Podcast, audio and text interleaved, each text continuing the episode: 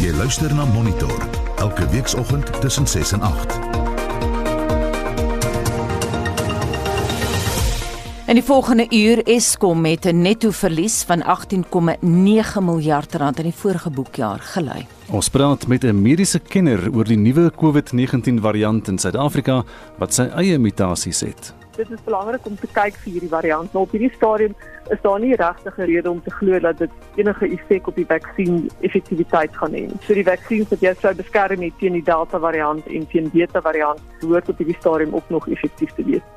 'n Liefdadigheidsorganisasie in die moederstad wil 'n Guinness wêreldrekord verbeter deur die meeste blikkies kos in een ry te pak. Baie welkom by Monitor. My naam is Anita Visser. En ek is Gustaf Greiling.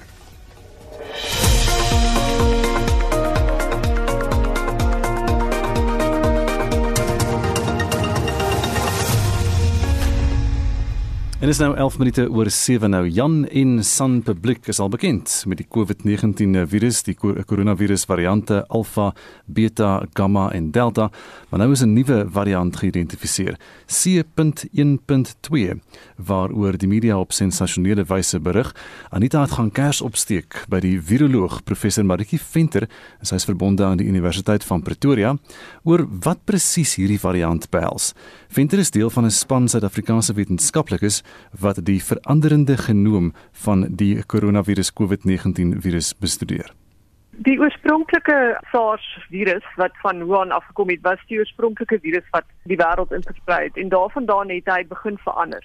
En daai individuele mutasies, soos wat hulle akkumuleer, word dan later in 'n lineage geïdentifiseer en die verskillende virusse binne in daai lineage word dan nou variante. So dis variante van daai lineage daar's 'n komitee, die Pango komitee wat dan nou besluit wanneer hulle iets 'n lineage gaan noem of 'n nuwe variant gaan noem. So op die oomblik is daar alhoewel daar 'n hele reeks verskillende variante en lineages reeds ontstaan het, is daar net sekeres wat dan nou kommerwekkend is. Daar's variante of concern en dan variante of interest. En dit word deur die World Health Organization geïdentifiseer en dit kom neer op variante van um, concern is dan nou soos die aanvanklike alfa variant wat in Brittanje was, die beta variant wat in Suid-Afrika was, dan nou die delta variant wat op die oomblik hier versprei is en wat van India afgekom het en hierdie is variante waar hulle dan nou kon sien dat die mutasies wat geakkumuleer is potensieel die um neutraliserende teenliggaam respons kan ontwyk en dan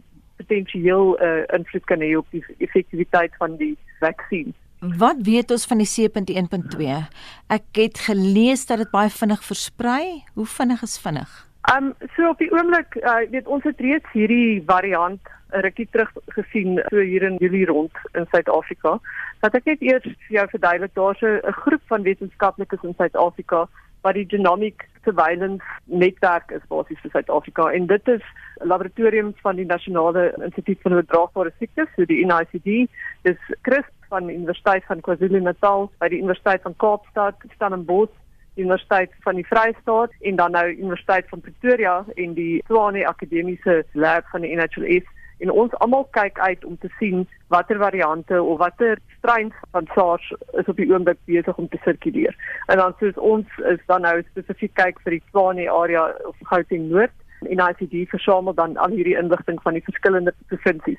So daar's 'n baie baie netwerk in elke provinsie wat reeds kyk en hulle het reeds ruk terug dan nou hierdie uh, variant begin opmerk, maar dit was baie skaars en nou uh, op hierdie stadium kan ons dit in al die provinsies identifiseer, maar dis minder as 2% van die variante of die lineages wat ons sien op die oomblik. Die meeste is nog steeds die Delta variant. So tot in die begin van die jaar was dit die Beta variant en toe Delta oorgevat en nou het ons begin sien ons sien hierdie C1.2 ook uh, rondgaan. Dis spesifieke uh, wetenskaplike van die NICD Catherine Skeepers wat die persoon was wat dit eerste gesien het, maar op hierdie stadium is dit nog steeds skaars. Dit is nie 'n algemene ding wat versprei is nie. Dink jy dit gaan verander? Wel, weet ons sal moet wag en sien. Die Delta variant is baie sterk en op die oomblik is dit amper 98% van die gevalle wat jy sien is die Delta variant. So hierdie variant C1.2 lineage het dan nou 'n hele klomp nuwe mutasies wat geïdentifiseer is maar dit is verskillende mutasies wat in al die vorige variante geïdentifiseer is. Dit lyk soos iets wat hier ontstaan het en daai individuele mutasies beteken nie alles iets nie. Party van hulle het geen effek op die virus self nie. Party van hulle is mutasies wat voorheen geïdentifiseer is in die Delta variant wat moontlik die neutraliserende teenliggaam respons kan ontwyk. Dit is belangrik om te kyk vir hierdie variant. Nou op hierdie stadium is daar nie regtig 'n rede om te glo dat dit enige effek op die vaksin um effektiwiteit gaan hê. So die vaksins wat jy sou beskerm teen die Delta variant en teen Beta variant behoort op hierdie stadium ook nog effektief te wees. Ek het nou ook gelees dat hierdie spesifieke variant of die lineage soos wat jy dit nou noem Maritjie het 41 mutasies per jaar. Hoe vergelyk dit met die ander variante as ons kyk na alfa, beta, gamma ensovoorts? Anita, soos wat hierdie virusse ontstaan, bou hulle mutasies op. So hierdie is nou maar net die variant wat hulle nou gesien het. Die ander het reeds 'n klomp mutasies opgedoen en dan nou hierdie een het net verder addisionele geakkumuleer.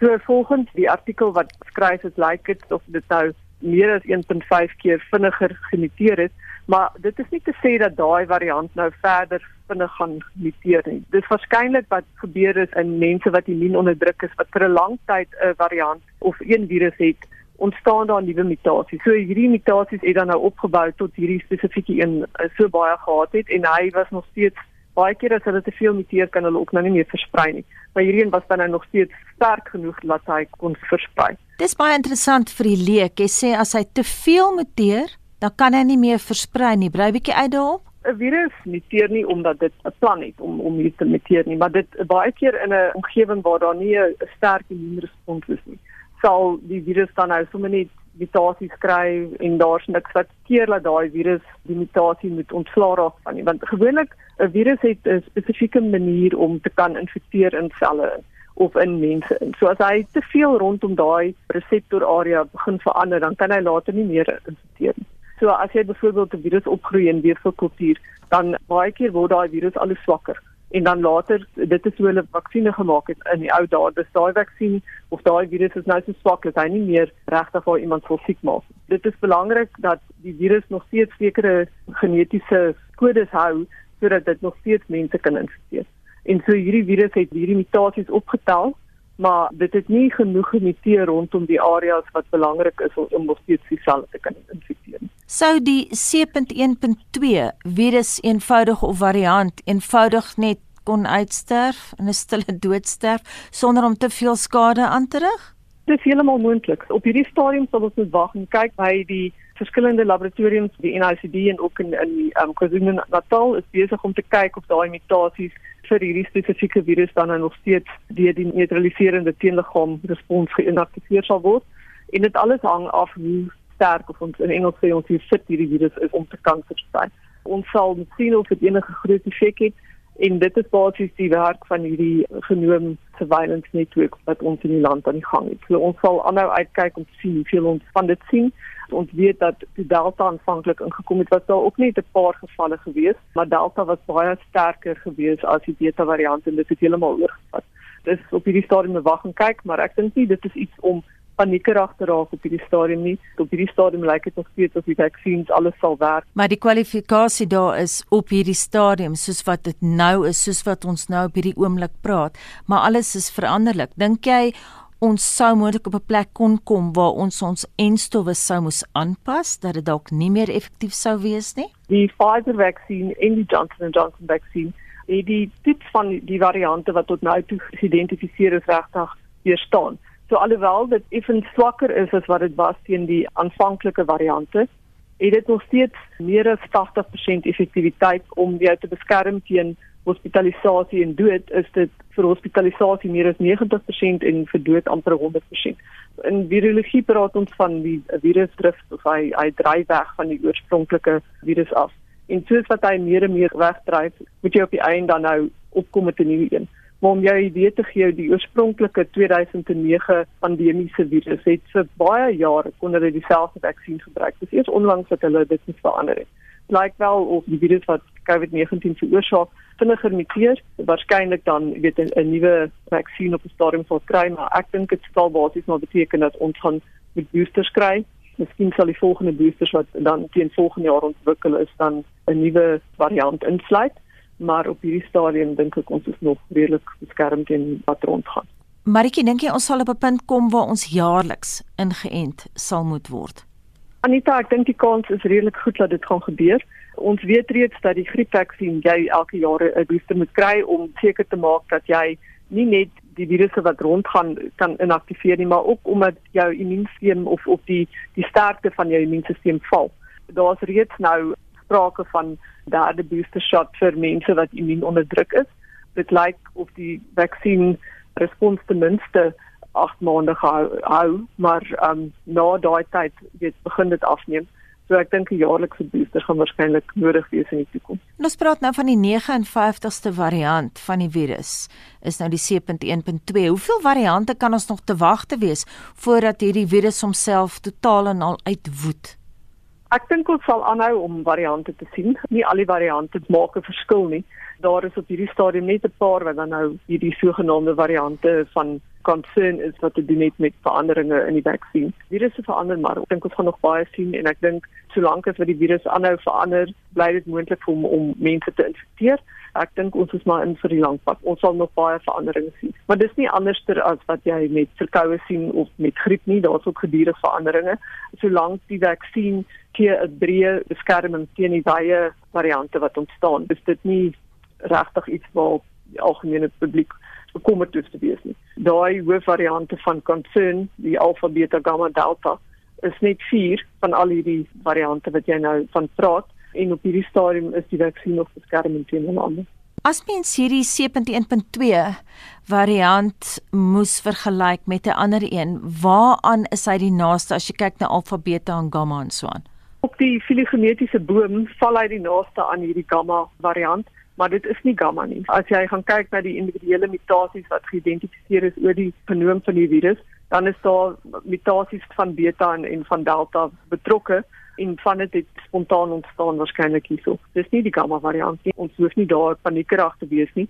Dit is maar net soortgelyk in sekere van die mutasies wat dan nou maak dat hy daar sal val op die genetiese boom, maar dit het unieke mutasies van verskillende virusse hier. Dis baie interessant. Die viroloog professor Maritjie Venter is verbonde aan die Universiteit van Pretoria. Die Chinese ambassadeur in Suid-Afrika, Chen Xiaotung, het die Amerikaanse regering daarvan beskuldig dat hy die wêreld oor die oorsprong van die dodelike koronavirus mislei. Die Amerikaanse inligtingdiens het 'n verslag saamgestel oor die oorsprong van COVID-19 waarin hulle nie 'n besliste bevinding kon maak nie. Justin Kennedy het meer. Meer as 4 miljoen mense is sedert Desember 2019 aan COVID-19 verwante komplikasies dood. Die Wuhan provinsie in China word as die oorsprong van die pandemie beskou. Die Chinese ambassadeur in Suid-Afrika, Shen Xiaodong, sê Amerika is vasbeslote om China die skuld vir die pandemie te gee en wil die saak verpolitiseer. Jen het die media virtueel toegespreek. Some US politicians are obsessed with stigmatizing the virus by associating it with certain countries and places. This move do nothing but politicizing COVID origin tracing. Those politicians also attempt pressure WHO into conducting a so-called phase two investigation into China. In the name of origin tracing that should have been based on science, the US attempts to plant evidence to incriminate China. Die Wêreldgesondheidsorganisasie het 'n span op twee werksbesoeke na Wuhan gestuur. Die WHO glo dat die virus afkomstig was van 'n dier wat op 'n mark verkoop is. Chen sê Amerika se jongste skuif is teen multilateralisme en die wetenskap. If the US really care about origin tracing, they should stop blaming others, focus on controlling the virus and saving life at home, and invite WHO to carry out investigation into the Fort Detrick base and the University of Northern Carolina. They gather allies to launch public opinion warfare and made a lot of noise. Jane het die Amerikaanse regering gewaarsku om te konsentreer op die beëindiging van die pandemie in plaas daarvan om China te teiken. The US has constantly put out bizarre argument as holding China accountable. China needs to pay for it and the lab leak in China. In essentials, They do all this only to cover up their own failure response. They plant evidence against China so as to serve their own selfish interest. China het net meer as 4000 mense aan COVID-19 verwante infeksies verloor uit minder as 100 000 bevestigde gevalle, terwyl Amerika meer as 600 000 van sy burgers aan die koronavirus verloor het. Die land het meer as 38 miljoen bevestigde gevalle van COVID-19. Intussen sê die Amerikaanse ambassade in Pretoria dat dit later op China se bewering sal reageer. Die WHO verteenwoordiger in die streek sê dat hulle nog nie die jongste verklaring van China bestudeer het nie. Hierdie verslag deur Faniel Shuma in Pretoria en ek is Justin Kennerly vir SI Garnis. 26 oor 7 by Monitor. Eskom het 'n netto verlies van 18,9 miljard rand in die afgelope boekjaar aangemeld. Die verkope van elektrisiteit is 6,7% laer as in die boekjaar tot Maart 2020 weens die impak van die COVID-19 pandemie. Eskom se bestuurshoof, Andrei de Ruyter, het tydens sy voorlegging van die kragreuse jaarverslag aangedui dat die maatskappy se werksmag met 4,5% verklein is Estie de Klerk doen verslag. Ten spyte van die regering se geldelike ondersteuning van 56 miljard rand, is die grootste faktor wat Eskom daarvan weerhou om finansiëel volhoubaar te wees, sy skuld, sê de Ruyter. We continue to have an unsustainable debt burden which causes us to pay in the past financial year net debt service cost of 31.5 billion rand. COVID-19 which has become part of the new normal, of course, affected us quite significantly, particularly in the first half of the financial year. Uh, overall sales volume were down 6.7%. Ondanks sy finansiële uitdagings, sê Eskom dat hy sy bruto skuld met meer as 400 miljard rand kon verminder met behulp van steun van die regering, besparings en 'n gunstige rand-dollar wisselkoers. 'n verhoging van 8,7% is ook in tariewe verkry. Continued steps to seek to strengthen the balance sheet and as I said we were able to reduce our gross debt to just over 400 billion by the end of the financial year thanks to equity support from the government tight cost control but also a favorable movement in the exchange rate maar munisipaliteite se skuld aan Eskom het van 7,3 miljard rand tot 53,7 miljard rand vermeerder. That number has since the end of the financial year increased further to about 39 billion rand. So clearly a solution to non-payment by certain municipalities is a priority for the political task team led by Deputy President Mabuza. Eskom se finansiële hoof, Kalika Sim, sê die top 20 nie betalende munisipaliteite is verantwoordelik vir 23% van alle agterstallige munisipale skuld aan die kragrees. Hy sê slegs 10% uit die 43 nie betalende munisipaliteite kom hulle betalingsreëlings met Eskom na en dit is kommerwekkend.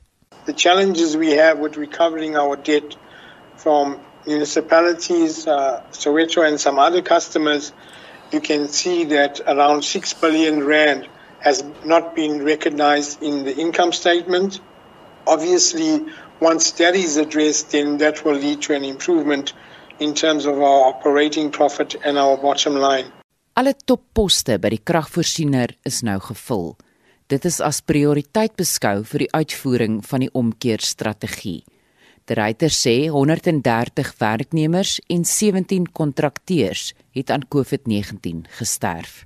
We have made quite a strong effort to fill vacancies uh, so that we have as few acting positions as possible. We have made good progress there and I think from a gender perspective in particular we've also improved in terms of statistics so from both a race and a gender perspective we are doing better The exception here is people with disabilities where we are still lagging behind so that's a focus area.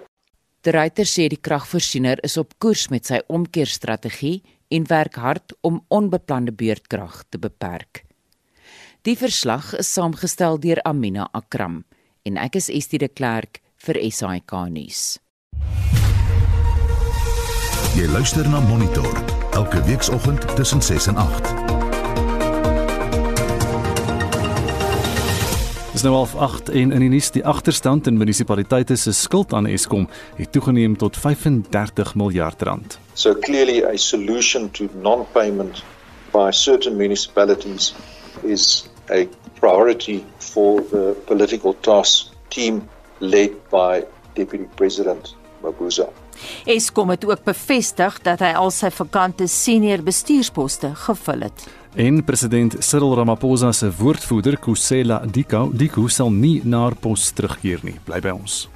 Estie Anita, ons praat vanoggend of mense alweer aan die reis is tydens hierdie inperking en Marike van Potchefstroom sê opgewonde, volgende week die tyd is ons al naby Kroonstad. Ons gaan 3 tot 4 keer 'n jaar Jeffreys Bay toe om vir ons kinders te gaan kuier en ons bly altyd by dieselfde plek. Daar's net 4 eenhede en dis op die strand en loopafstand na die winkelsentrum.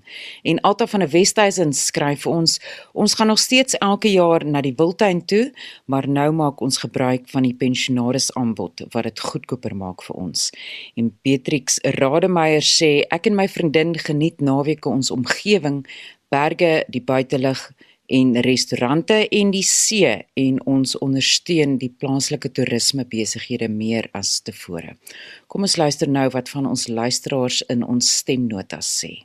My naam is Joshua, ek is van uh, Boksburg af. Ek is 'n scuba duiker al baie jare van 1976 af. En jy weet wat ons het die mooiste kuste hier om te duik. Ek het groot geword in Nysna. Nysna is 'n pragtige plek. Daai hele kus goed geduik. En uh, ek verkies ook nogal deesdae Sodwana.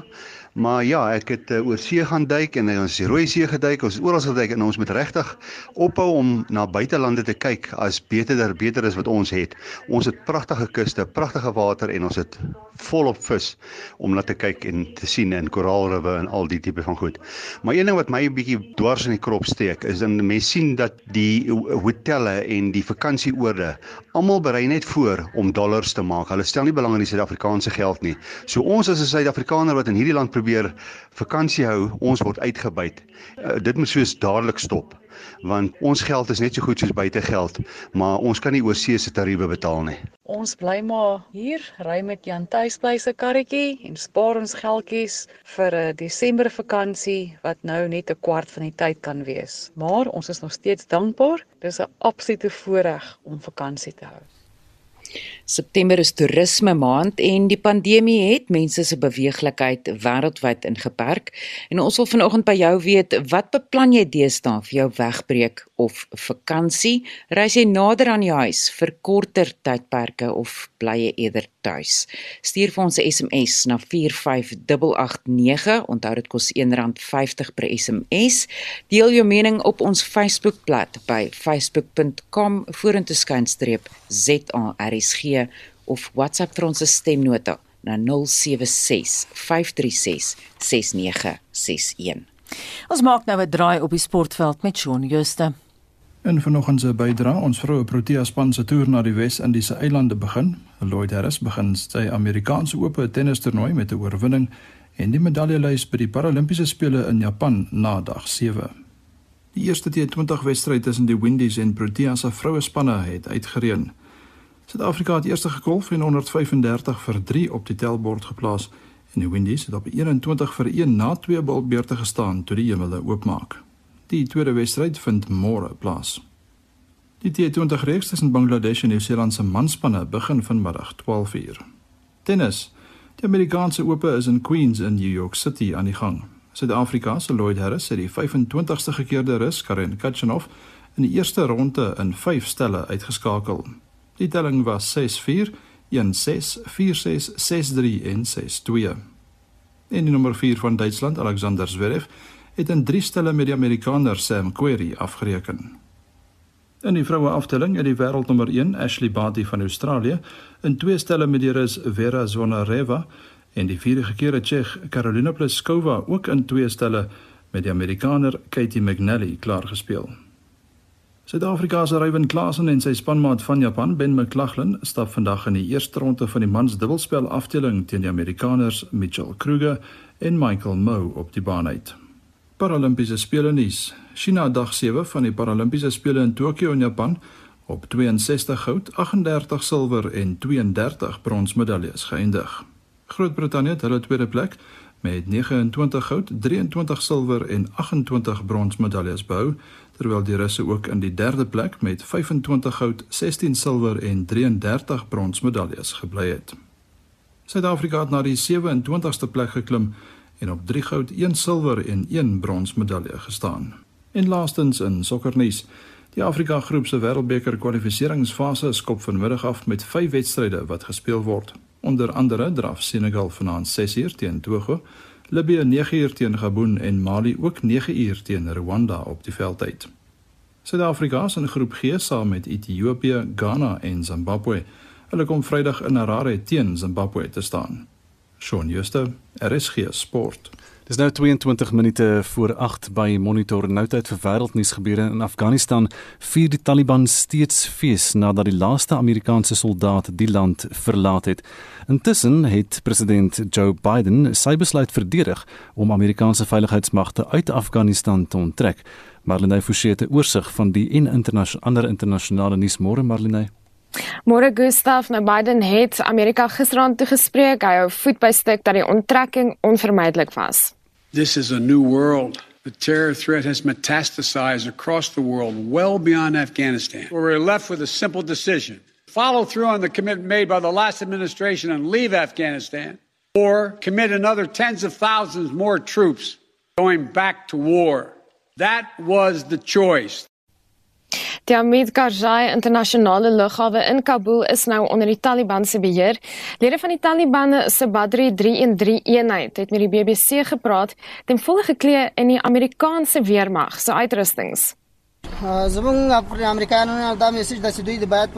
Our message to the Americans is they should not have any plans to attack Muslims again.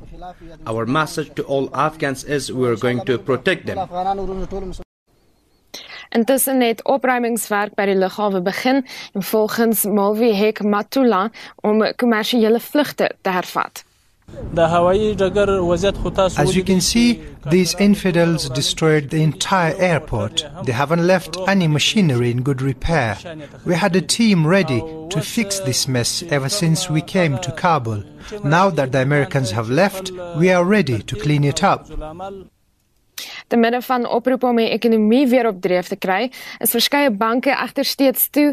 Inwoners wag vergeefs in groot groepe buite die instellings en is gefrustreerd met die maksimum bedrag wat onttrek mag word. Een van hulle is Abdul Wakil. I should build a future. I should study. So definitely, if the situations are like that, that you should stay for one week just to take $100 from a bank. It's not possible to live here. En dit was 'n student in Kabul, Abdul Wakil. Ons verskuif nou die aandag na Amerika waar die dodetal weens orkaan Ida nou op 4 staan. 'n Aandklokreël is boonop in dele van Louisiana en Mississippi ingestel.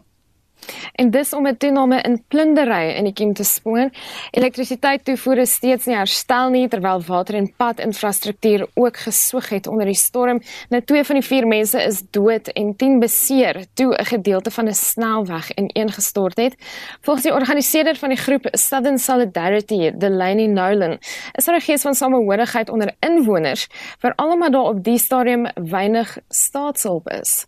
We went up to multiple groups of National Guardsmen and asked about water, and the, either didn't have any, or one group had like two cases and wouldn't give us any because they said they were for workers. They couldn't tell us when water would be available. They couldn't tell us where it would be available. Verder noord in Kalifornië moes duisende mense op wonings op die oewer van die Tahoe meer ontruim. Dis nou weens 'n erge bosbrand daar. Minstens 6400 hektaar het reeds deurgeloop onder die vlamme en slegs 16% van die bosbrand is onder beheer. 3500 brandbestryders is na die gebied ontplooi. En dan is van 'n ander aard. Navorsing toon dat een van die giftigste slange in Suid-Amerika die mense beste vriend kan wees in die stryd teen COVID-19. Ja, vroeër navorsing toon dat 'n molekuule in die gif van die suidelike pitkobra in Brasilië die verspreiding van die virus binne in soogdiere se liggame stop. So die gif self word nie gebruik nie, want dis genoeg om 16 mense dood te maak, maar die sterbestanddeel binne die gif wat gebruik word, volgens die navorser Rafael Guido, is 'n klein gedeelte van die binding, die peptide molekuule. A conseguiu ver que os peptídeos eles We were able to see that the peptides not only inhibited the development of the virus in vitro inside the cell, but we were also able to see that it was able to inhibit one of the proteins that is very important for the development of the virus and propagation of new viruses. Nou die molekules kan vervaardig word in 'n laboratorium, 'n komplekse situasie hier, maar ons volg dit. Marlene Forsie met 'n oorsig oor volgens se internasionale nuusgebeure. En nou terug in Suid-Afrika, die besluit om die aantal pasiënte te verminder en uiteindelik die Life Isidimeni Geestesgesondheidssentrum in 2015 te sluit, is eensaidig geneem. So sê die voormalige bestuurende direkteur van die Life Isidimeni groep, Dr Morgan Mkachwa.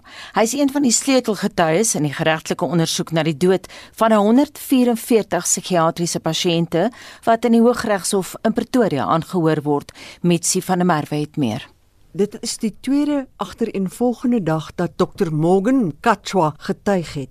Hy sê die besluit om die pasiënte te verskuif na ander nie-regeringsorganisasies is op hulle afgedwing deur die voormalige Gauteng gesondheids-ALR, Kodani Mahlangu. Hy sê hulle insigte wat dit teengestaan het, was nie welkom nie.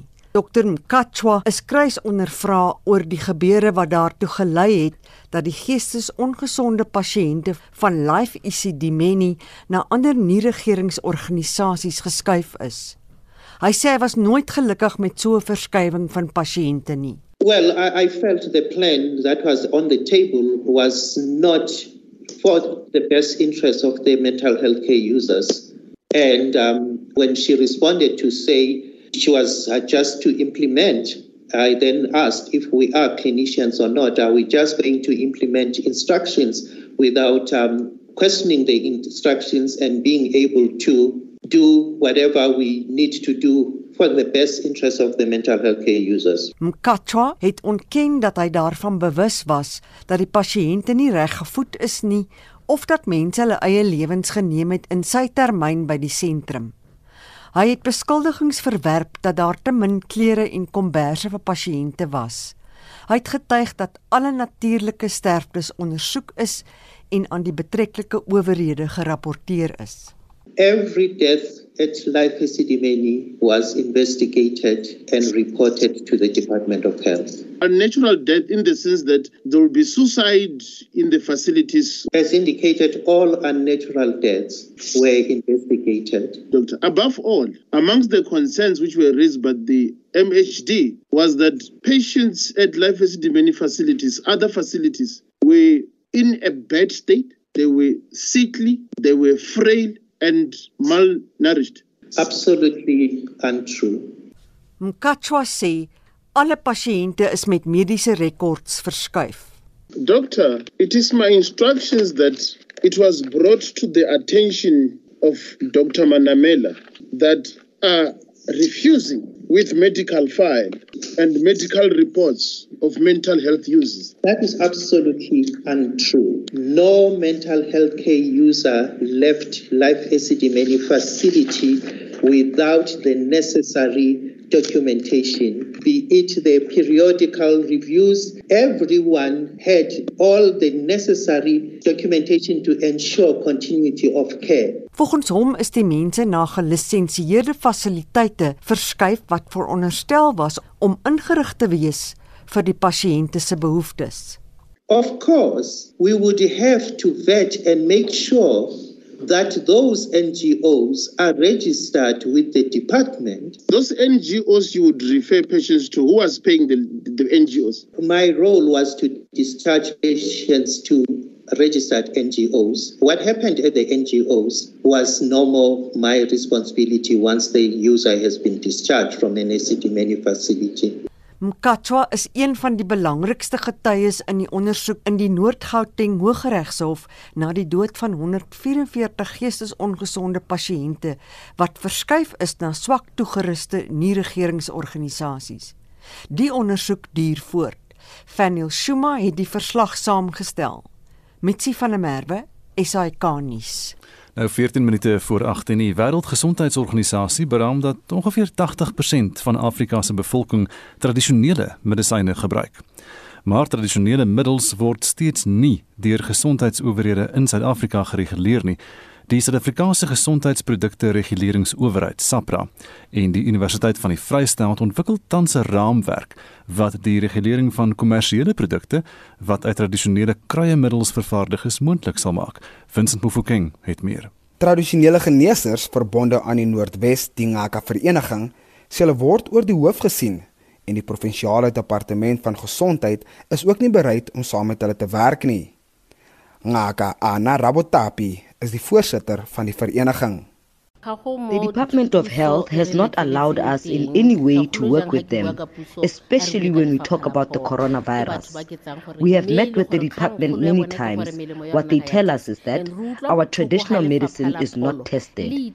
We wonder why the department is denying their own work. The question is why? What is the problem? Why are they not accepting us as traditional healers and our medicine? They don't even want to know what is it that we are offering. sa batle go itse Ngaka Rabotapi sê die provinsiale gesondheidsdepartement wil tradisionele geneesers nie toelaat om COVID-19 pasiënte te help nie omdat hulle ongetoetste medisyne gebruik. Go na le kgang e re utlwisang botlhoko re le dingaka tsa setso What hurts us is that the department knows that the first publication of our tested medicine was 1996. That is when they tested different trees that were used and concluded that they are medicines. We have given up on the department recognizing us. Instead, we will install our own shacks near hospitals to help our people. Die gesondheidsowerheid in Noordwes het die beweringe weer lê, maar die woordvoerder vir die provinsiale gesondheidsdepartement, Tebogo Lekgotane, erken dat daar wel 'n paar uitdagings is. The department does have a relationship with traditional health practitioners in terms of the THP Act of 2007, which provide for the management and control as well as registration, training, and conduct of practitioners. Many countries all over the world still approach medicines and cure in a Western way and seek to have scientific evidence of everything that can be called a cure. Die Suid-Afrikaanse Reguleringsowerheid vir Gesondheidsprodukte het onlangs 'n werkgroep saamgestel wat saam met die Universiteit van die Vrystaat werk om 'n raamwerk te formuleer by die regulering van tradisionele medisyne op die oop en farmaseutiese markte moontlik kan maak.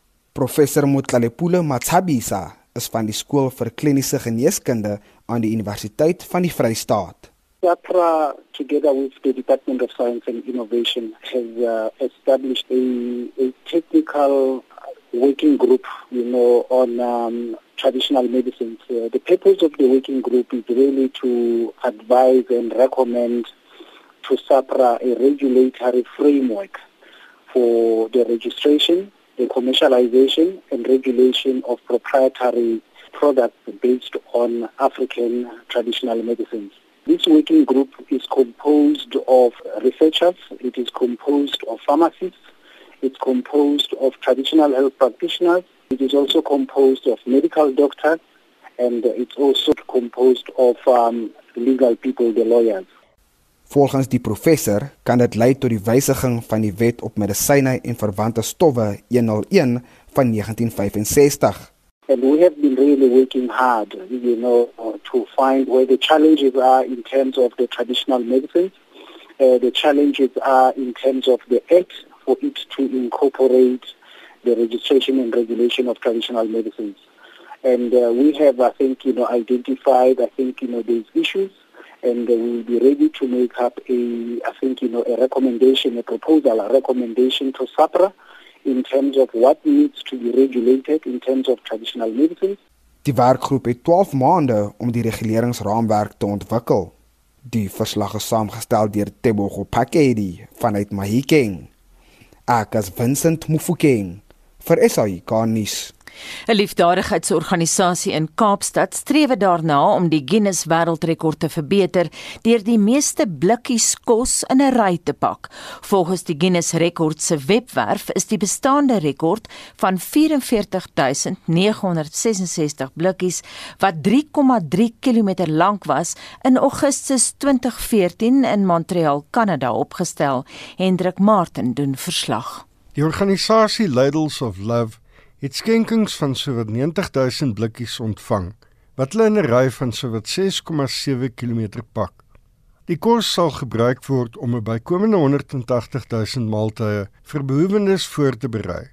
Die mikpunt is om die Kanadese rekord te verbeter, maar meer belangrik om voedselhulp aan hongergemeenskappe te verskaf. Die stigter van die organisasie, Danny Deliberto, sê die blikkieskos sal aan 'n verskeidenheid voedingsskemas en sopkombuise reg oor die skiereiland versprei word. Uh, we have officiated it. We just wanting to send it now to Guinness so that they can make it put their stamp of approval and then we will officially have the Guinness World Record. But for now, we have a world record and we are super excited. So thank you Cape Town. Thank you to our sponsors. Thank you to everyone that was part of this. Die organisasie sê dit reeds sowat 20 miljoen maaltye verskaf sedert die COVID-19 inperking vlede jaar begin het. Dit sluit in 2700 ton kos sowel as 4 miljoen toebroodjies. Behoewendes van verskeie sopkombuise en voedingsskemas het aangebied om die ryblikkies te help bou. Eintlik om dankie te sê vir die barmhartigheid wat hulle ontvang het in die stryd om hulle gesinne te voed. Insaf Manuel is van dienende hande in Athlone. We've in food aid over the last 12 months have donated over 3.5 million rand to, to, to food aid. So Ladles of Love Food Forward is another one of our partners that have um, that have contributed to alleviating poverty in South Africa.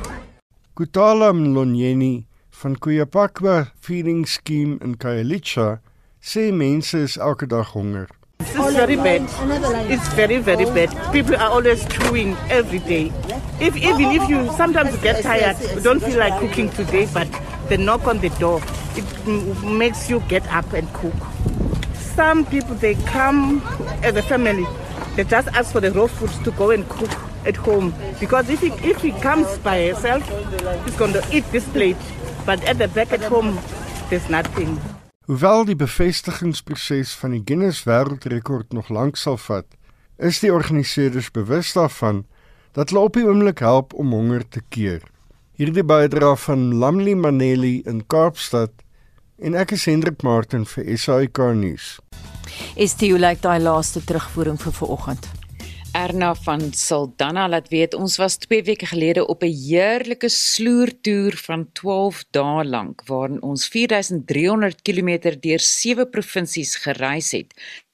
En sy sê die hoogtepunt was toe ek my lewensdroom kon beleef en dit op 60 toertjies in 'n Hawert vliegtyg. En Martie Brits skryf sy het iets om na uit te sien. Sodra die wêreld weer oopmaak gaan ek weer in die Himalajas stap. Maar tot dan geniet ons die berge en die see hier in ons tuisdorp Kaapstad. En Christine skryf 'n heerlike reis deur die provinsie lê vir my voor hierdie maand. Sy sê nie waar dit is nie. Ria Kreur laat weet ek ry nog elke jaar wanneer ek my 2 weke verlof neem Nysna toe waar my kinders woon. Ek ry met die bus. Dit is veilig en goedkoop. En Annelie sê ons gaan die 19de September Champagne Castle toe vir 'n paar dae in die Drakensberge net 'n bietjie wegkom na hierdie lang inperking. En Jacques sê ons gaan die eerste keer ooit die Wildekus besoek in November. Ek sien baie uit daarna. Baie dankie vir jou terugvoer vanoggend. Mooi woord daai Gustaf Sloer toer. Ek wonder of Willem Botha luister. Hy luister seker. Ons kan op 'n sloer toer gaan. Ek is gereed vir so 'een. Marlene, wat is op die dagboek vir Spectrum om 12?